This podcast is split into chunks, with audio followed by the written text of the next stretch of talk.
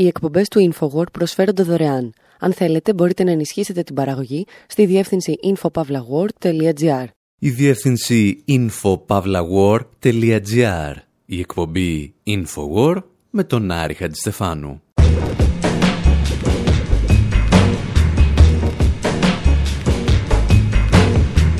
όπου σήμερα αναρωτιόμαστε εάν τελικά πέθανε ο Μπέλα Λουγκώση και αν ναι, τι γραμματοσυρά χρησιμοποίησαν στον τάφο του. Αφήνουμε το συγκρότημα Bauhaus να μας εισαγάγει στο ομώνυμο καλλιτεχνικό κίνημα των αρχών του 20ου αιώνα, που φέτος γιορτάζει τα 100 του χρόνια. Αναρωτιόμαστε εάν μπορείς να καταλήξεις σε ένα στρατόπεδο συγκέντρωσης επειδή χρησιμοποιείς διαφορετική γραμματοσυρά από αυτή που είχε επιλέξει ο Χίτλερ. Σκεφτόμαστε τέλος τι σχέση μπορεί να έχουν όλα αυτά με τις ταινίες του James Bond αλλά και με τα κουρέματα του Βιντάλ Σασούν. weiß nicht wohin mit mir. Ich bin komplett im Arsch. Keine Ahnung, wie es weitergeht. Ich bin komplett im Arsch. Zu viele Fragen stelle ich mir. Ich bin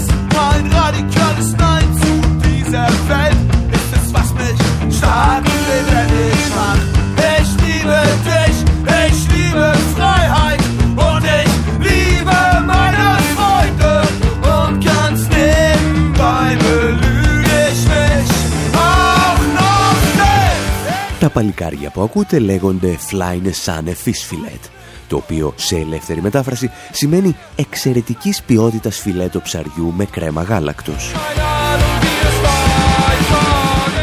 Και ενώ οι ίδιοι αυτοχαρακτηρίζονται άλλοτε ως punk, άλλοτε ως ska και άλλοτε ως indie, υπάρχει ένας χαρακτηρισμός τον οποίο κανένας δεν μπορεί να αμφισβητήσει. Τα παιδιά είναι αντιφασίστες και παρεπιπτόντος παίζουν και μουσική. Οι Fine Sunefis Filet έχουν αυτά ακριβώς τα χαρακτηριστικά που θέλεις να ακούσεις σε μια πολιτικοποιημένη μπάντα. Είναι αντικρατιστές, δίνουν συναυλίες για το κομπάνι και βαράνε τους Ναζί όπου τους πετύχουν. Συχνά πυκνά μάλιστα καταλήγουν στα δικαστήρια, γιατί κάποιος βούτυρο μπεμπές φασίστας παραπονιέται ότι του μίλησαν άσχημα. Το 2017, όταν κέρδισαν ένα μουσικό βραβείο στη Γερμανία, το πούλησαν στο eBay και έδωσαν τα χρήματα στην οργάνωση Jugendrettet. Αν δεν την ξέρετε, είναι η οργάνωση η οποία διασώζει τους πρόσφυγες και τους μετανάστες, τους οποίους προσπαθεί να πνίξει η Ευρωπαϊκή Ένωση στη Μεσόγειο.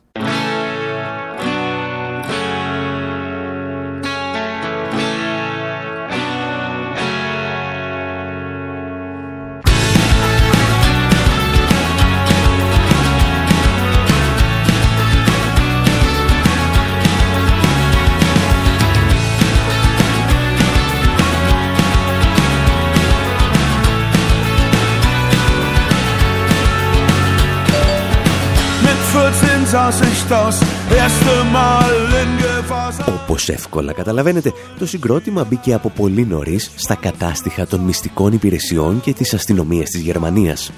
Αυτό που στην Ελλάδα θα λέγαμε τμήμα προστασίας πολιτεύματος.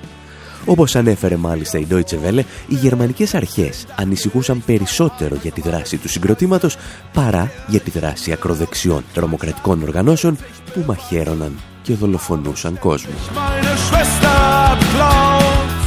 Γιατί αν πρέπει να αναγνωρίσουμε κάτι στο γερμανικό κράτος είναι ότι έχει συνέχεια και συνέπεια. Η στιγμή όμως που το συγκρότημα εξαιρετική ποιότητα φιλέτο ψαριού με κρέμα γάλακτος ήρθε πραγματικά στο επίκεντρο της επικαιρότητας ήταν όταν αποφάσισε να ασχοληθεί με το Bauhaus. Τα λέγανε τότε και στις ειδήσεις.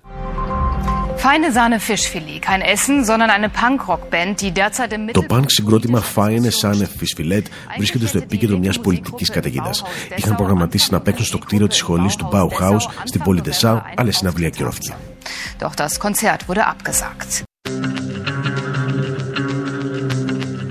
Ο λόγος για τον οποίο ακυρώθηκε η συναυλία ήταν ότι οι ομάδες ακροδεξιών και νεοναζί απειλούσαν να εισβάλλουν στο κτίριο προκειμένου να πετάξουν έξω τα μέλη του συγκροτήματος. Το πρόβλημα στην ιστορία μας είναι ότι κάτι σχετικό είχε συμβεί και το 1933 με την άνοδο του Χίτλερ στην εξουσία. Οι Ναζί εισέβαλαν στο κτίριο του Bauhaus και διέλυσαν τη σχολή.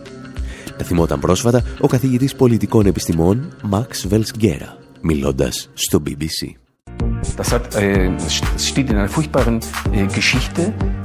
Το κίνημα του Bauhaus εκδιώχθηκε αρχικά από τους συντηρητικούς και στη συνέχεια από τους Ναζί.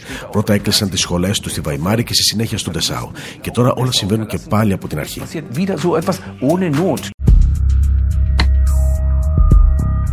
Έναν αιώνα λοιπόν μετά τη δημιουργία της σχολής του Bauhaus, το καλλιτεχνικό κίνημα επιστρέφει στην επικαιρότητα με τον χειρότερο δυνατό τρόπο.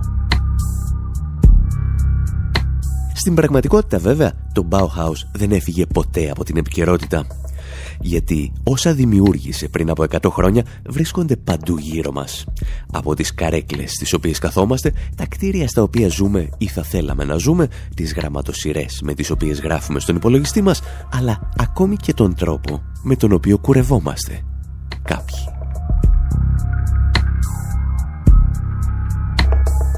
Και όπως συχνά συμβαίνει με τα πιο ριζοσπαστικά κινήματα της ιστορίας, το Bauhaus ήταν και αυτό παιδί ενός πολέμου, του Πρώτου Παγκοσμίου Πολέμου.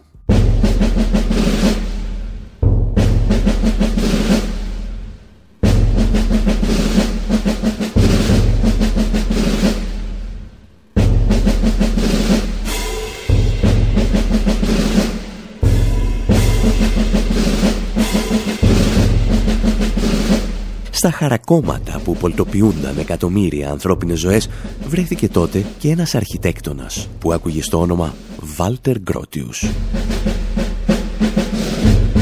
Γόνος εύπορης οικογένειας αρχιτεκτόνων είχε παντρευτεί και τη χείρα του μακαρίτη του Γκούσταφ Μάλερ.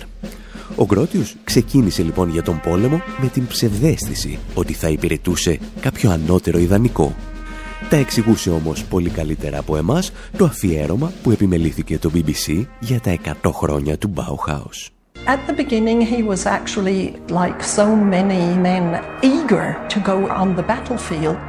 The reality of war proved very different to his expectations. Στην αρχή, όπως και πολλοί άνθρωποι της ηλικίας του, ήταν πρόθυμος να πάει στα πεδία των μαχών. Η πραγματικότητα του πολέμου όμως δεν ήταν αυτό που περίμενε. Ο Γκρόπιος είδε με τα μάτια του τρομακτικές μάγε στην πρώτη γραμμή και τραυματίστηκε πολλές φορές. Ο πόλεμος τον επηρέασε βαθιά. Πάντα έλεγε ότι τις νύχτες ξυπνούσε ουρλιάζοντας από τη μνήμη όσων έζησε. Λέγεται ότι μια μέρα οδήγησε μια ομάδα στρατιωτών σε ένα κτίριο στην Ορμαδία το οποίο είχε χτυπηθεί από βόμβα. Το κτίριο όμως κατέρευσε και πέθαναν όλοι εκτός από τον Γκρόπιος. Μπορώ να το φανταστώ καταπλακωμένος από τα ερήπια να σκέφτεται τι θα κάνει όταν θα βγει έξω. Έχουμε έναν αρχιτέκτονα τον οποίο τον καταπλάκωσε ένα αρχιτεκτονικό δημιούργημα. Είναι ιδεαλιστή αλλά και τσαντισμένος από τον πόλεμο. Από εκείνη τη στιγμή όλη του η ζωή απέκτησε ένα στόχο. Έπρεπε να βρει τι καινούριο θα δημιουργούσε. Πώς θα χρησιμοποιούσε την τεχνολογία με έναν προοδευτικό και όχι με έναν καταστροφικό τρόπο. Από αυτό το νέο όραμα του Γκρότιους θα γεννηθεί το 1919 η σχολή του Bauhaus η οποία για κάποιο αδιευκρίνιστο λόγο όταν άνοιξε δεν είχε τμήμα αρχιτεκτονικής. Η πρώτη ριζοσπαστική απόφαση του Γκρότιους ήταν να συνενωθούν σε ένα κτίριο και μία σχολή καλλιτέχνες αλλά και τεχνίτες, designers αλλά και τυπογράφοι. Γιατί βασικός στόχος της σχολής ήταν να φέρει την τέχνη και την τεχνολογία στην υπηρεσία του ανθρώπου. Για αυτά όμως θα συζητήσουμε αφού αρχίσουμε να φέρνουμε στην παρέα μας και το συγκρότημα Bauhaus, για το οποίο θα πούμε περισσότερα στο δεύτερο μέρος της εκπομπής.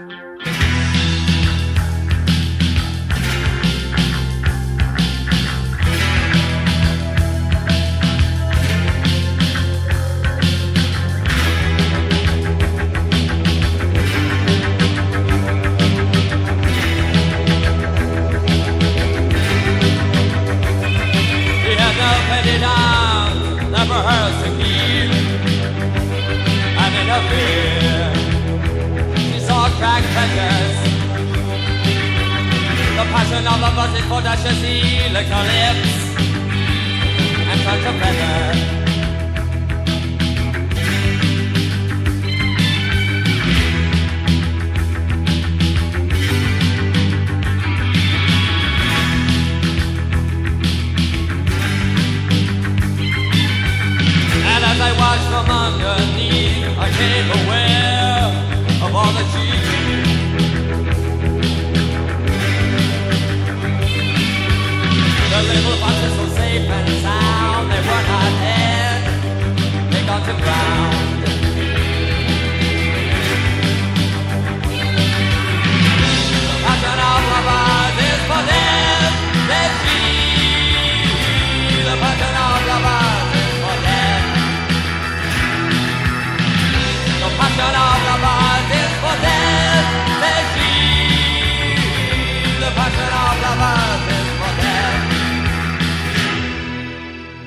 Στην εκπομπή Infowar με τον Άρη Χατζηστεφάνου συζητάμε για τη σχολή του Bauhaus που έζησε μόλις 14 χρόνια, αλλά πρόλαβε να αλλάξει τον κόσμο ή τουλάχιστον να τον ξανασχεδιάσει. Και αυτό ακριβώς ήταν το συμπέρασμα σχεδόν όλων των αφιερωμάτων που παρακολουθούμε εδώ και αρκετούς μήνες για μια καλλιτεχνική σχολή που το 2019 γιορτάζει τα 100 χρόνια από τη δημιουργία της. Όπως εδώ οι δημοσιογράφοι του Quartz μιλούσαν για την επιρροή της σχολής και στις μέρες μας. The ideas born in these classrooms have spread across the world influencing everything from the design of home furniture. Οι ιδέες που γεννήθηκαν σε αυτές τις τάξεις έχουν απλωθεί σε όλο τον κόσμο, επηρεάζοντας τα πάντα από το σχεδιασμό επίπλων σπιτιού μέχρι το σχεδιασμό κτηρίων και πόλεων. Ακόμα και στην εκατοστή του επέτειο, το Bauhaus έχει πολλά να μας διδάξει. Διότι δεν αφορούσε ποτέ απλά τις καμπύλες μορφές και τα ωραία χρώματα. Οι δημιουργοί του ήθελαν να δείξουν πως το design μπορεί να υπηρετήσει τους ανθρώπους. Πιο συγκεκριμένα ήθελαν να μεταμορφώσουν τη γερμανική κοινωνία αφού το πρώτος παγκόσμιος πόλεμος άφησε τη χώρα σε συντρίμια. After World War I left the country in ruins. Η γερμανική κοινωνία βέβαια είχε ελαφρώς διαφορετικά σχέδια για το μέλλον της και έτσι ψήφισε τον Αδόλφο Χίτλερ. Και όταν το 1933 ο ναζισμός είναι πλέον η κυρίαρχη πολιτική δύναμη, η σχολή του Bauhaus κλείνει και τα περισσότερα από τα μέλη της εγκαταλείπουν τη Γερμανία. Το Bauhaus βέβαια είχε προλάβει να επηρεάσει κάθε μορφή τέχνης και στο εσωτερικό της Γερμανίας. Και το πρώτο παράδειγμα ήταν οι επιρροές στον κινηματογράφο. Μας τα έλεγαν κάτι οι Τούρκοι συνάδελφοι του δικτύου TRT. It can be said that one of the ways the Bauhaus modern design movement ένας από τους τρόπους με τους οποίους το κίνημα μοντέρνου design του Bauhaus έφτασε σε όσους δεν μπορούσαν να ταξιδέψουν για να το δουν από κοντά ήταν μέσω της μαζικής ψυχαγωγίας και πιο συγκεκριμένα του κινηματογράφου.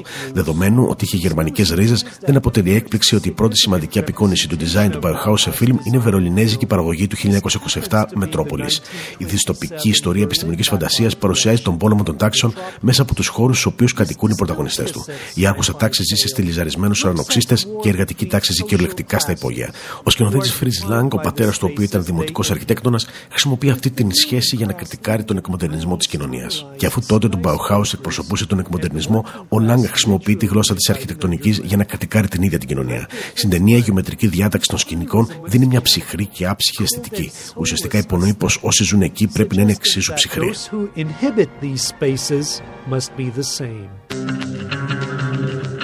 Το εντυπωσιακό με τον Bauhaus είναι ότι κατάφερε να επηρεάζει ταυτόχρονα τις υψηλότερες μορφές της τέχνης, όπως παραδείγματος χάρη μια ταινία του Fritz Lang, μέχρι τα σκουπίδια της τέχνης, όπως παραδείγματος χάρη μια ταινία με τον Bond, τον James τον Bond.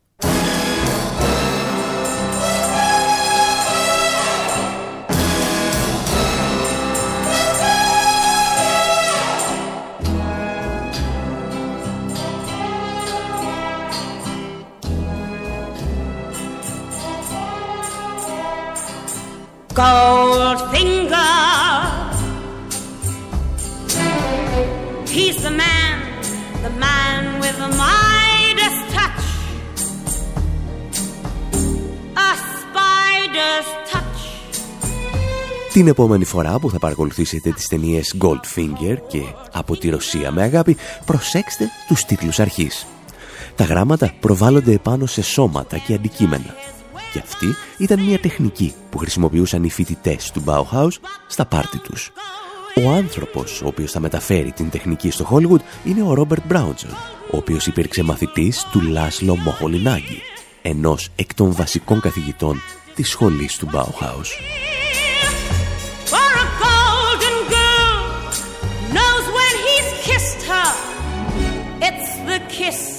Και το Bauhaus άρχισε να ξεφυτρώνει για χρόνια εκεί που δεν το περίμενες.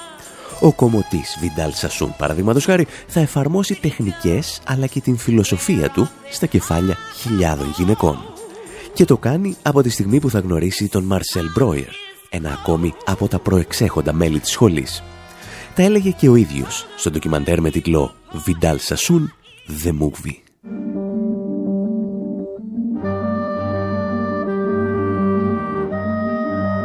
Great architects was where I came from. That was my inspiration. The Bauhaus architecture.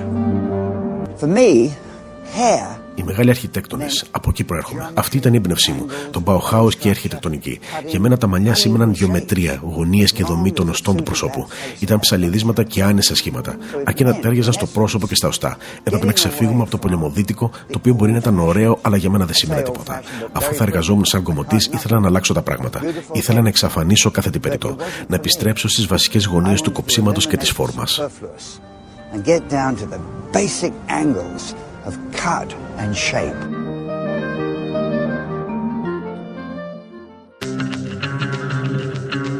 Εμείς πάλι σκεφτόμαστε να αφιερώσουμε το δεύτερο μέρος της εκπομπής σε ένα από τα επιτεύγματα της σχολής του Bauhaus για το οποίο μιλάνε όλο και λιγότεροι.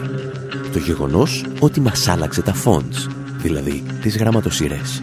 Και το έκανε αμφισβητώντας τον ίδιο τον ναζισμό. Πριν από αυτά όμως, μία ανακοίνωση. This is a public service announcement with Εάν σας φέρνει ο δρόμος σας προς την Αθήνα από τις 9 έως τις 13 Νοεμβρίου, σας περιμένουμε στον κινηματογράφο στούντιο με τον ντοκιμαντέρ μας Make the Economy Scream. Το Σάββατο μάλιστα μαζευόμαστε από τις 6.30 το απόγευμα με εκλεκτή παρέα. Μαζί μας η ιστορικός Ευγενία Παλιεράκη, η οποία μόλις επέστρεψε από τη Χιλή και ο δημοσιογράφος Κώστας Ράπτης. Τις υπόλοιπες ημέρες οι προβολές ξεκινούν στις 10 και 4 το βράδυ.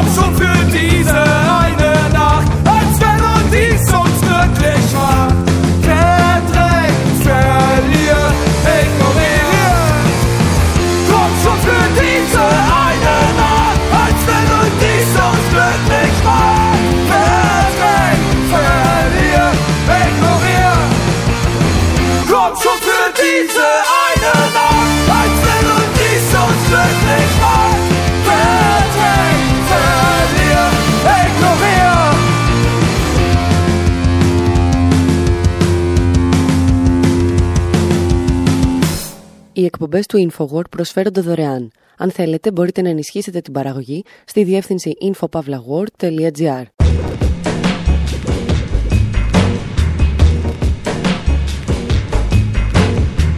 Εκπομπή InfoWord, μέρος δεύτερο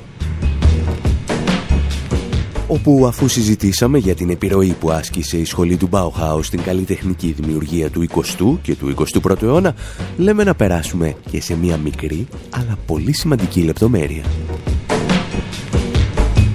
Συζητάμε για γραμματοσυρές και τους ανθρώπους που αμφισβήτησαν την μορφή με την οποία εκτυπώνονταν τα κείμενα του ναζιστικού κόμματος, πριν και κατά τη διάρκεια του Δευτέρου Παγκοσμίου Πολέμου.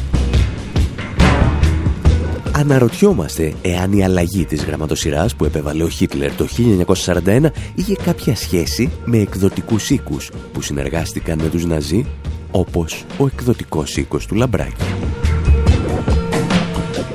Όλα αυτά όμως τα κάνουμε με μια τεράστια παράκαμψη που μας φέρνει στη Μεγάλη Βρετανία του τέλους της δεκαετίας του 70 και στο συγκρότημα Bauhaus. Some black capes back on the rack.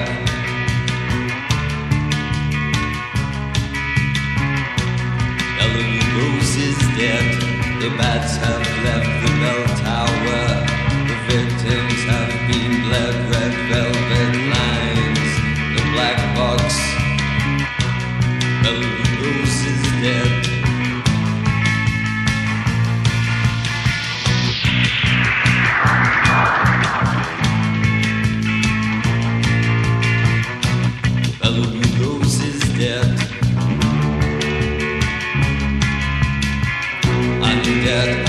head.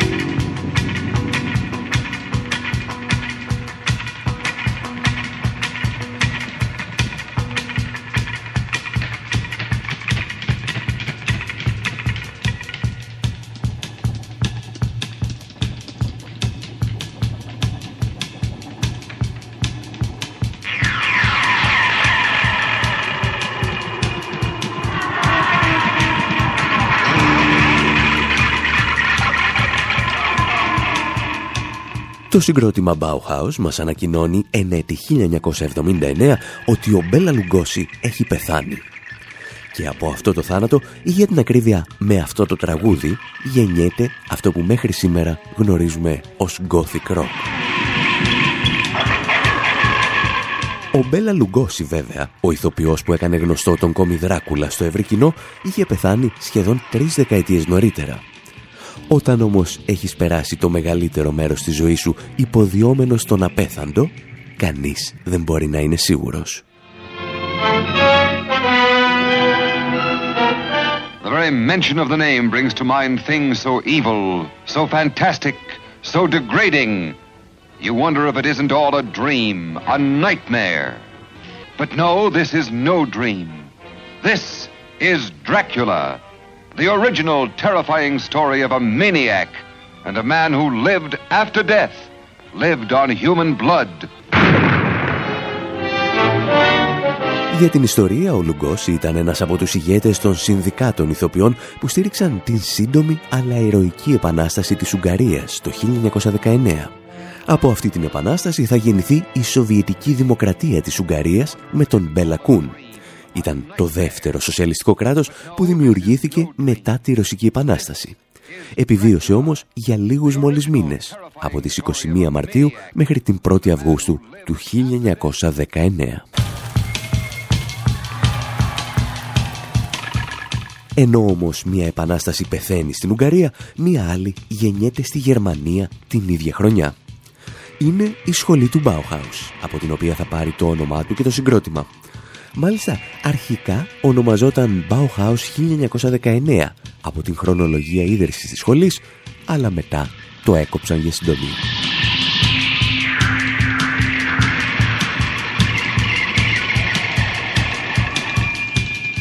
Για ορισμένους και κυρίως για τους Βρετανούς, η σχολή του Bauhaus θα ταυτιστεί με το συγκρότημα Bauhaus. Μάλιστα, αρκετές από τις εκθέσεις και τα αφιερώματα που γίνονται φέτος για τα 100 χρόνια από τη δημιουργία της σχολής έχουν τον τίτλο «Still Undead», ακόμη απέθαντος. Μια αναφορά δηλαδή στο τραγούδι για τον Μπέλα Λουγκός.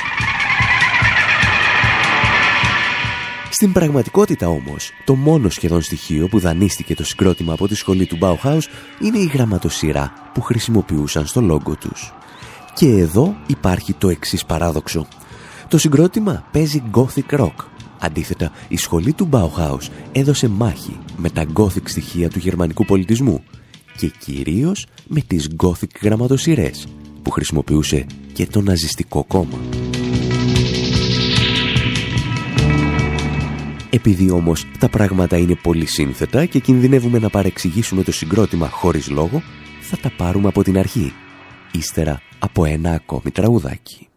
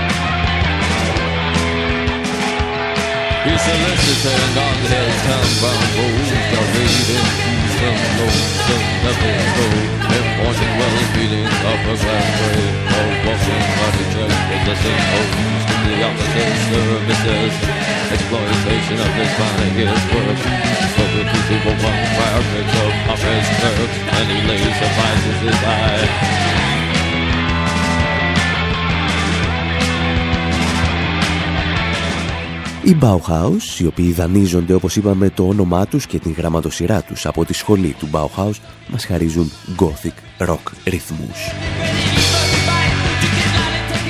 Η λέξη gothic όμως στο μυαλό κάθε μέλους της σχολής του Bauhaus αποτελούσε κόκκινο πανί. γιατί θύμιζε ένα και μόνο πράγμα.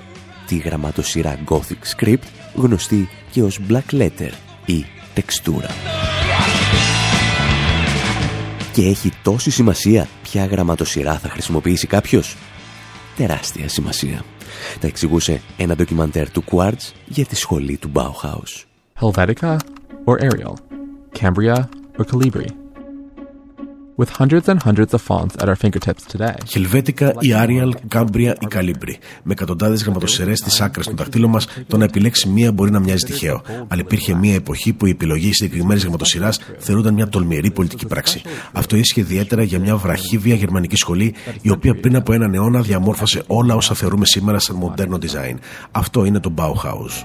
This is the Bauhaus. Ένα από τα πρώτα πράγματα που θα κάνουν οι σχεδιαστές του Bauhaus είναι να δημιουργήσουν νέες γραμματοσυρές, οι οποίες αμφισβητούν την παράδοση των Gothic. Η Gothic βέβαια είχε τεράστια παράδοση. Ήταν η γραμματοσυρά που είχε χρησιμοποιήσει και ο Γουτεμβέργιος όταν ανακάλυψε την τυπογραφία. Και δεν είχε τότε και πολλές επιλογές γιατί η συγκεκριμένη γραμματοσυρά είχε επικρατήσει στη Δυτική Ευρώπη από τον 12ο αιώνα τότε μάλιστα θεωρούνταν πιο απλοί από αυτές που είχαν προηγηθεί και οι οποίες είχαν τόσες φιωριτούρες ή αν προτιμάτε ακρεμόνες και πατούρες που καθυστερούσαν την παραγωγή βιβλίων. Χάρη και στον Γουτεβέργιο πάντως, οι Gothic γραμματοσυρές θα κυριαρχήσουν για αιώνες σε διάφορες παραλλαγές. Και ανάμεσά τους συναντάμε και την περιβόητη φρακτούρ, την οποία θα εκτιμήσουν ιδιαίτερα οι φασίστες όταν δημιουργούν το ναζιστικό κόμμα της Γερμανίας. Their right-wing ideology called for a return to traditional German values, and their messaging Εθνικιστικές ομάδες συνέκλειναν στην δημιουργία αυτού που θα γινόταν το κόμμα των Ναζί. Η δεξιά τους ιδεολογία καλούσε σε επιστροφή στις παραδοσιακές γερμανικές αξίες και τα μηνύματά τους είχαν συγκεκριμένη γραμματοσυρά, την φρακτούρ. Η λεγόμενη αληθινή γερμανική γραμματοσυρά βασιζόταν σε γοτικά στοιχεία που ήταν συνώνυμα με τη γερμανική εθνική ταυτότητα για 800 χρόνια. Η φρακτούρ έγινε σήμα κατά τεθέν των Ναζί τουλάχιστον για κάποιο διάστημα.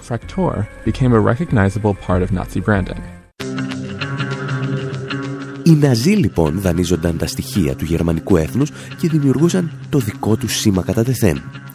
Σε αυτή την ιστορία όμως υπάρχουν και άλλοι παίκτες. On the opposite end of the political spectrum, avant-garde artists and designers saw the chaos as a chance to rethink their role completely. Στην αντίπερα όχθη του πολιτικού φάσματος, avant-garde καλλιτέχνες και σχεδιαστές είχαν το χάος σαν μια ευκαιρία να αναθεωρήσουν εντελώς το ρόλο τους. Με τη φρίκη του πολέμου φρέσκια, ήθελαν να γυρίσουν σελίδα και να ξεκινήσουν από τα βασικά. Με το τοπικό όραμα, ο αρχιτέκτονας Βάλτερ Γκρόπιος δημιούργησε μια νέα σχολή στη Βαϊμάρη που ονομαζόταν το Bauhaus. Εδώ οι σπουδαστές παροτρύνονταν να πειραματιστούν σε διάφορους τομείς, ζωγραφική, ξυλουργική, ύφανση, τυπογραφία, χορό, γραμματογραφή. Δημιούργησαν όμως και ένα νέο ριζοσπαστικό είδος τυπογραφίας created a radical new kind of typography. Το να αμφισβητήσει το σήμα κατά τεθέν του ναζισμού ήταν αρκετά βαρύ. Το Bauhaus όμως αμφισβήτησε κάτι περισσότερο. Αμφισβήτησε την ίδια την εθνική ταυτότητα της συντηρητικής Γερμανίας. Το να αλλάξεις μία γραμματοσυρά γινόταν πλέον επαναστατική πράξη. The Bauhaus's play with typography is not simply innocent wordplay, it is political. Το παιχνίδι του Bauhaus με την τυπογραφία δεν είναι ένα απλό παιχνίδι με γράμματα και λέξεις. Είναι πολιτικά φορτισμένο. Η Γερμανία είναι πιθανόν η μόνη χρήση λατινικού αλφαβήτου που είχαν δώσει στη γραμματοσυρά μια εθνικιστική χρειά. Η αμφισβήτηση αυτής της γραμματοσυρά και ο επανασχεδιασμός του αλφαβήτου στην εντελώς αντίθετη κατεύθυνση είναι η ελευθέρωση του από αυτές τις εθνικιστικές συσχετήσεις.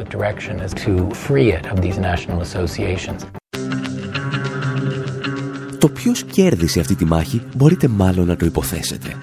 Και οι δύο πλευρές όμως υπέστησαν τελικά βαρύτατες απώλειες, για τις οποίες θα συζητήσουμε ύστερα από λίγη ακόμη gothic rock από τους Bauhaus.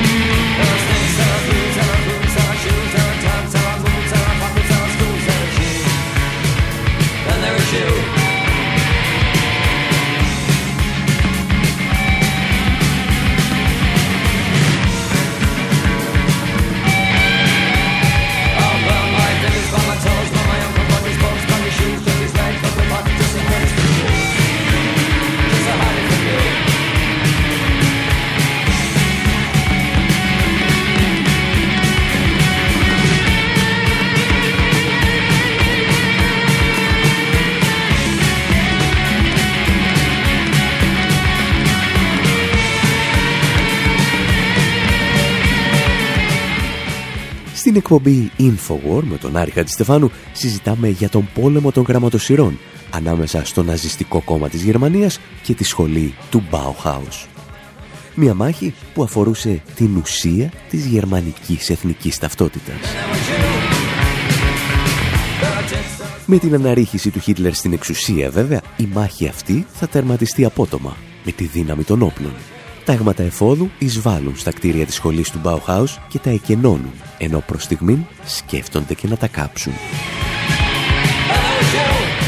Έκτοτε, όσοι τόλμησαν να ακολουθήσουν το δρόμο του Bauhaus τα χρόνια του Χίτλερ και να φέρουν τον μοντερνισμό στην τυπογραφία, βρέθηκαν αντιμέτωποι με το τέρας του ναζισμού. Ο Πολ Ρένερ που δημιούργησε την θρηλυκή γραμματοσυρά Φουτούρα φυλακίστηκε μαζί με τη γυναίκα του σε στρατόπεδο συγκέντρωσης. Παρόμοια τύχη είχε και ο στενός του φίλος Γιάν Τσίκχολτ, ένας από τους σημαντικότερους τυπογράφους του 20ου αιώνα. But the Bauhaus didn't last long.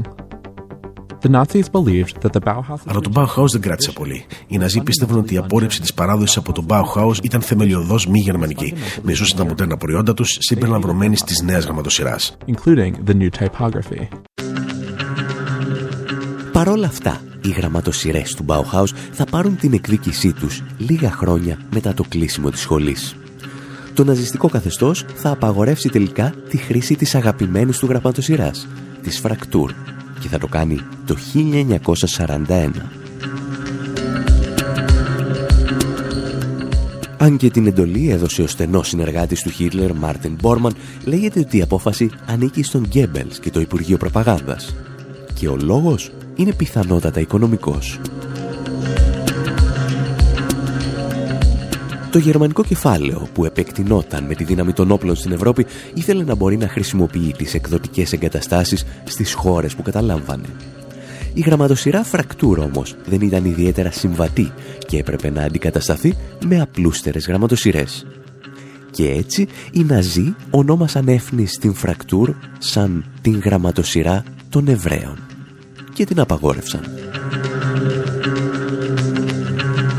Είχαν μάλλον ξεχάσει ότι με αυτή τη γραμματοσυρά των Εβραίων είχε τυπωθεί και η πρώτη έκδοση από το βιβλίο «Ο αγών μου» του Αδόλφου Χίτλερ.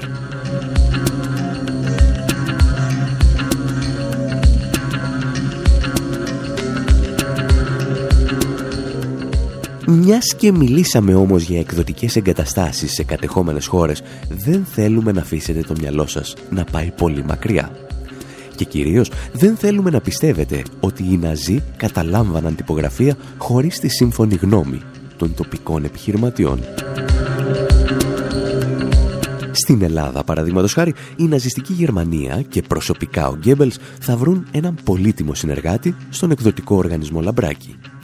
Αν θυμάστε, μας τα εξηγούσε ο δημοσιογράφος και συγγραφέας Δημήτρης Κούκουνας στην αντιφασιστική μας εγκυκλοπαίδεια. Κάνει αυτή τη συμφωνία με την ε, με τη γερμανική εταιρεία Mundus ε, ουσιαστικά είναι η προπαγανδιστική ε, εταιρεία που είχαν πολυεθνική οι Γερμανοί ακριβώς για να, διο, να διοχετεύουν επιρροή και να διεισδύουν στις, στο κατεχόμενο τύπο και πούλησε το συγκρότημά του το 51% έδωσε στη γερμανική εταιρεία εισέπραξε τα χρήματα εξ αυτού μπόρεσε και αγόρασε όπως προκύπτει ε, το ακίνητο στην οδό Αναγνωστοπούλου που υπήρχε μέχρι το τέλος, ε, υπάρχει ίσως ακόμα στα χέρια της οικογένειας Λαμπράκη.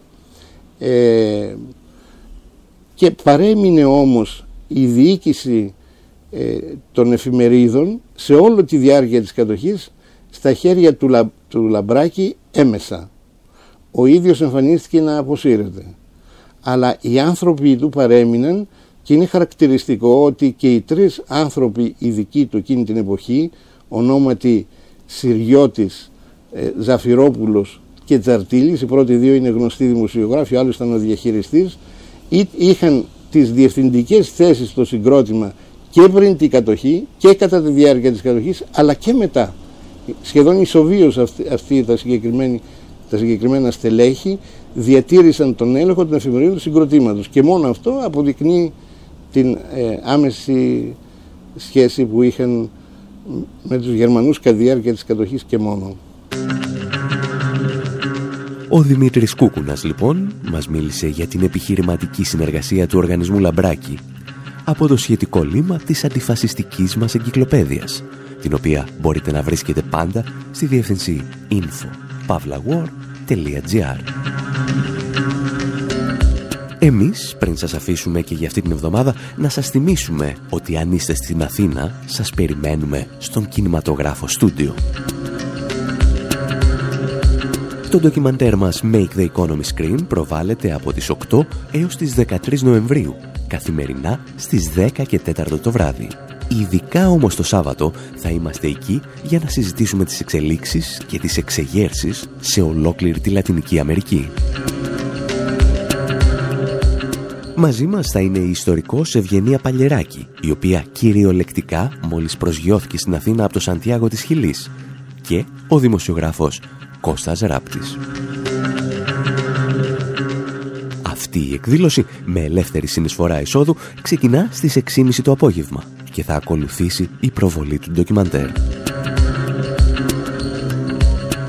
Είτε πάντως τα πούμε από κοντά είτε όχι, μέχρι την επόμενη εβδομάδα από τον Άρη Χατζηστεφάνου στο μικρόφωνο, τον Ανδρέα Κοσιαρή στις μεταφράσεις και τον Δημήτρη Σαθόπουλο στην τεχνική επιμέλεια, γεια σας και χαρά σας.